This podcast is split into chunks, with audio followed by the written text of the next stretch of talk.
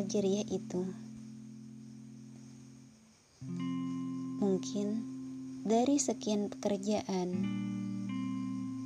kita hanya fokus pada satu kata yang bermanfaat. Berpikir keras untuk bisa studi, meraih gelar, sarjana, dan bisa terjun ke dunia pendidikan.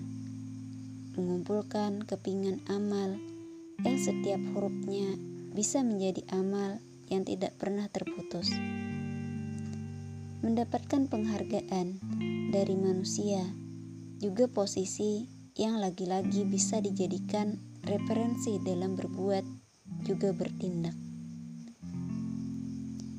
Dari Amirul Mukminin Abu Habs Umar bin Al-Khattab radhiyallahu anhu dia berkata Aku mendengar Rasulullah Shallallahu Alaihi Wasallam bersabda, "Sesungguhnya amal itu hanyalah beserta niat, dan setiap manusia mendapatkan sesuai dengan apa-apa yang diniatkannya. Barang siapa yang hijrahnya kepada Allah dan Rasulnya, maka hijrahnya itu adalah kepada Allah dan Rasulnya.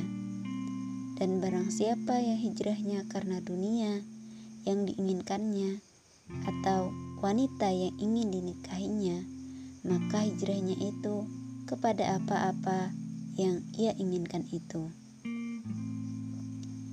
Diriwayatkan oleh Imamul Muhaddisin Abu Abdullah Muhammad bin Ismail bin Ibrahim bin Al-Mughirah bin Berdizbah Al-Bukhari dan Abu Husain Muslim bin Al-Hajjaj bin Muslim Al-Qushairi An-Naisaburi dalam kitab sahih mereka yang merupakan kitab hadis paling sahih.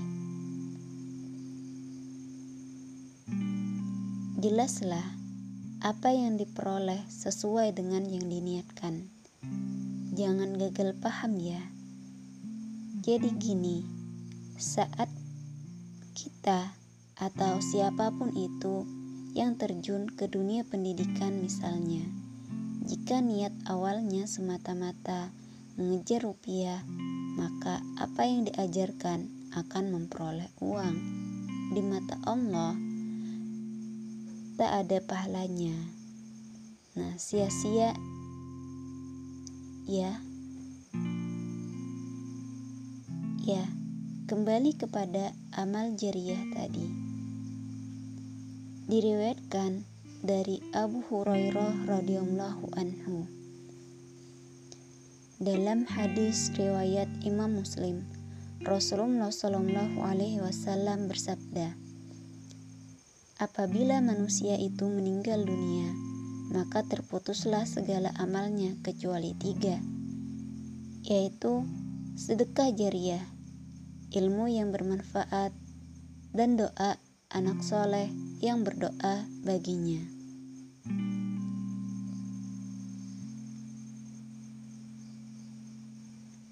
Sedekah jariah Sedekah jariah merupakan amalan yang akan terus mengalirkan pahala selama apa yang disedekahkan itu dari sumber yang benar dan cara memperolehnya juga sesuai dengan syariah.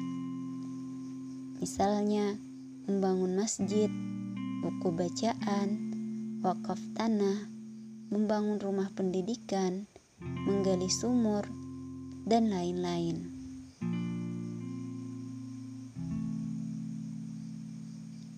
Ilmu yang bermanfaat dari Jabir bin Abdullah radhiyallahu anhu bahwa Rasulullah Shallallahu Alaihi Wasallam bersabda, Mohonlah kepada Allah ilmu yang bermanfaat dan berlindunglah kepadanya dari ilmu yang tidak bermanfaat. Hadis yang agung ini menunjukkan besarnya keutamaan mendapatkan anugerah ilmu yang bermanfaat, yaitu ilmu yang sesuai dengan petunjuk yang diturunkan oleh Allah Ta'ala kepada Rasulnya Sallallahu Alaihi Wasallam dan mewariskan amal soleh untuk mendekatkan diri kepada Allah Ta'ala.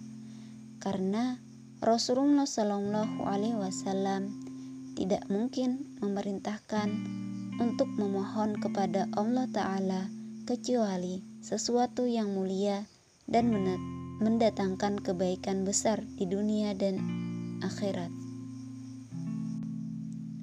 Tatkala seseorang memiliki ilmu, lalu ilmu itu diajarkan kepada orang lain, kemudian orang tersebut mengamalkan ilmu yang diajarkan, maka pahalanya juga akan mengalir tanpa mengurangi pahala orang yang pernah mengajarkan. Ketika kita menyadari potensi diri kita sebagai pewaris ilmu, perlu diketahui bahwa ilmu tidak hanya di atas kertas. Orang berilmu akan senantiasa menundukkan hati dan pikirannya kepada hal-hal positif.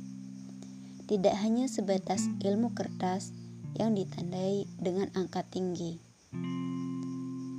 Mereka yang berilmu tentu akan diimbangi pula dengan akhlak yang baik, seperti ilmu padi. Ilmu bukan hanya dikumpulkan lalu didiamkan begitu saja dengan harapan seseorang akan menjumpaimu untuk belajar. Akan tetapi, orang yang merasa memiliki ilmu juga harus mencari orang-orang untuk mewariskan ilmunya.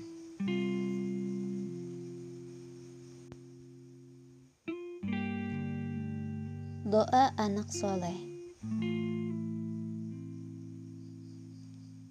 Isyarat bagi seorang muslim yang telah meninggal adalah adanya orang-orang yang senantiasa mendoakan mereka. Terwujudnya seseorang yang bisa mendoakan ini tergolong sangat rendah saat ini. Mendoakan tidak cukup dengan menulis Al-Fatihah di kolom komentar. Sejatinya, mendoakan juga harus bisa diungkapkan baik dalam hati maupun secara terang-terangan. Sungguh agunglah mereka yang meninggalkan anak-anak soleh yang senantiasa mendoakan kedua ibu bapaknya. Meninggalkan anak yang senantiasa mendoakan bukanlah perkara mudah. Orang tua harus bisa menjadi pondasi atau dasar pencetak pertama bagi anaknya agar bisa mendoakan. Allah Subhanahu wa Ta'ala berfirman, "Sungguh rugi mereka yang membunuh anak-anaknya karena kebodohan tanpa pengetahuan dan mengharamkan rezeki yang dikaruniakan Allah kepada mereka." dengan merekayasa kebohongan terhadap Allah. Sungguh, mereka telah sesat dan tidak mendapat petunjuk. Quran Surah Al-An'am ayat 140